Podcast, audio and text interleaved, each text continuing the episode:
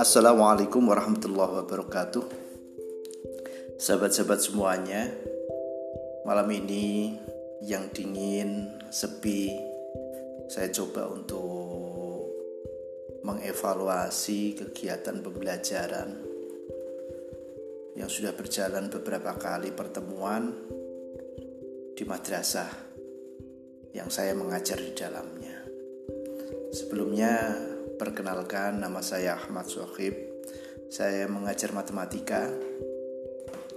Yang biasanya matematika eh, selalu bagaimana berlatih, berlatih untuk menghitung, berlatih soal, sedikit teori, banyak latihan soal, membimbing anak secara langsung, menunjukkan bagaimana cara penyelesaian soal matematika secara langsung dengan contoh yang sederhana di whiteboard. Dilanjutkan contoh-contoh yang lebih tinggi cara berpikirnya dan anak-anak ditantang untuk menyelesaikannya. Dan biasanya satu persatu saya melihat bagaimana anak bisa menangkap contoh-contoh yang saya buat. Tapi di masa pandemi covid ini memaksa kita tidak bisa bertemu dengan anak-anak, memaksa kita untuk jauh dari mereka,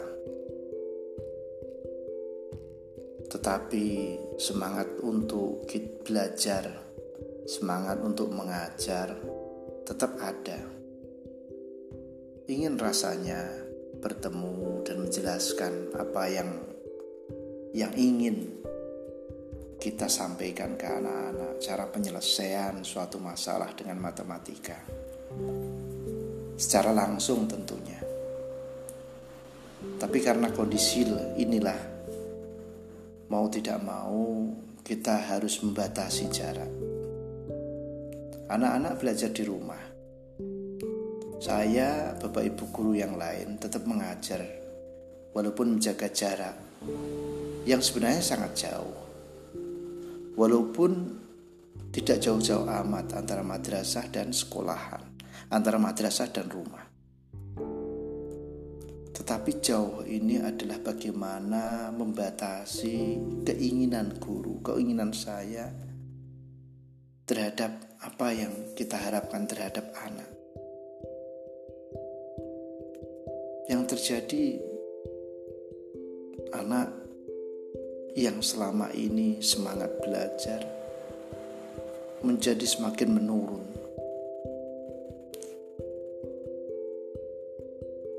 Intensitas pertemuan di pembelajaran daring semakin menurun, semakin berkurang.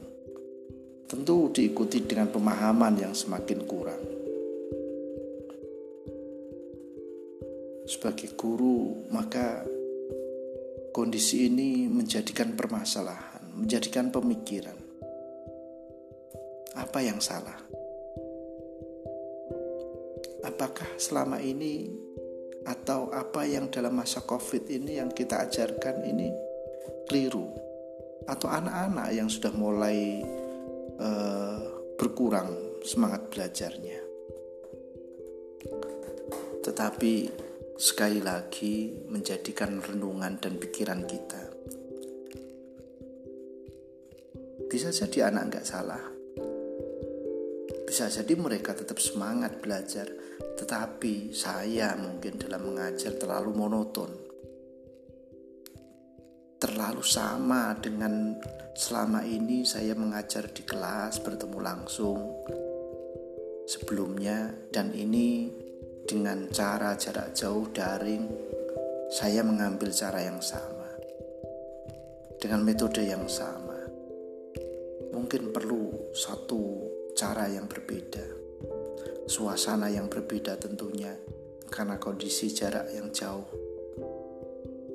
Bisa jadi anak-anak selama ini yang aktif masuk kelas yang sebelumnya masa Covid ini, tapi selama pembelajaran masa jarak jauh ini mereka tidak aktif bukan karena mereka nggak nggak ingin belajar bisa jadi kita dalam mengajarnya kurang memberikan satu suasana sentuhan yang baru di masa yang baru ini. Saya berharap saya tetap bersemangat untuk mencari metode yang terbaik agar anak-anak tetap mempunyai semangat belajar yang tinggi. Anak-anak tetap ada dalam dirinya api yang menyala untuk tetap belajar dan belajar. Saya ingin tetap menghidupkan semangat pendidikan yang ada dalam diri saya dan semoga Allah memberikan jalan yang mudah memudahkan saya, memandikan saya untuk dapat membuat hal yang baru menjadikan anak-anak terbantu untuk belajar. Semoga saja. Terima kasih. Malam ini masih didengarkan dan semoga sharing ini menjadikan kebaikan untuk kita semuanya. Kurang lebihnya mohon maaf. Wallahu muwaffiq ila Assalamualaikum warahmatullahi wabarakatuh.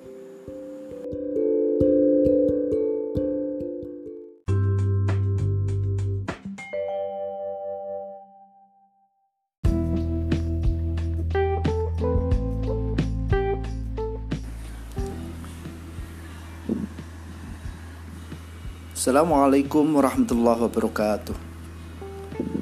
Sahabat semuanya Pada kesempatan ini Saya akan berbagi Sharing Tentang apa yang saya pahami tentang karakter dan pendidikan karakter.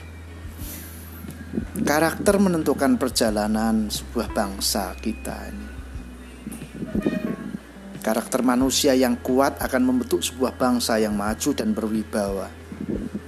Tapi sebaliknya, karakter yang lemah akan berujung pada kehancuran bangsa itu. Teringat sejarawan Arnold Toynbee berkesimpulan bahwa kehancuran sebuah peradaban disebabkan bukan oleh penahlukan dari luar, melainkan karena pembusukan moral dari dalam. Bapak pendidikan kita, Ki Hajar Dewantoro pun pernah menyampaikan karakter itu terjadi karena perkembangan dasar yang sudah terkena pengaruh ajar kalimat itu sangat menyentuh bahwa pendidikan kar bahwa karakter terbentuk bukan muncul sendirinya pada diri kita, pada diri anak-anak kita, pada diri generasi penerus bangsa ini, tetapi harus disentuh dan dipengaruhi oleh sebuah mekanisme pendidikan. Sahabat Barusan saya melihat di sebuah TV swasta menampilkan sebuah acara TV masa lampau. Salah satunya di situ ada sebuah sinetron keluarga Cemara. Pernah ditayangkan di sebuah televisi.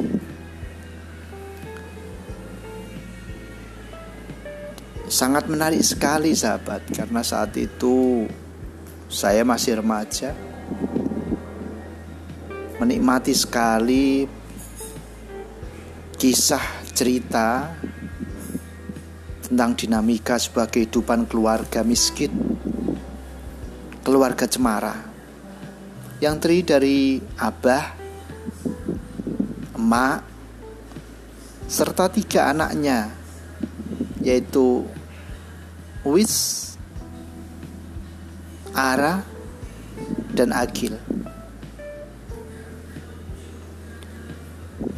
Lekat kisah itu, dan di situlah di dalam sebuah kisah itu ditampilkan bagaimana pendidikan karakter dibentuk, dididik tidak hanya di bangku sekolah tapi di bangku keluarga. Maka sahabat, pendidikan tidak bisa hanya diserahkan pada satu lembaga pendidikan formal kita, tetapi tiap keluarga adalah pendidikan lembaga pendidikan yang sangat dekat dan sangat mempengaruhi jiwa anak-anak kita. Maka mari kita jadikan keluarga adalah sebagai sekolah. Rumah adalah sebagai sekolah untuk mendidik generasi-generasi bangsa berikutnya penerus bangsa ini penerus uh, generasi yang sekarang ini memimpin. Kalau kita tidak menginginkan bangsa kita hancur.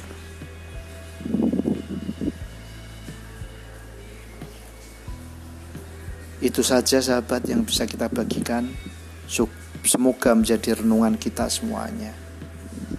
Kurang lebihnya mohon maaf. Wallahu muwaffiq ila aqwamit Assalamualaikum warahmatullahi wabarakatuh.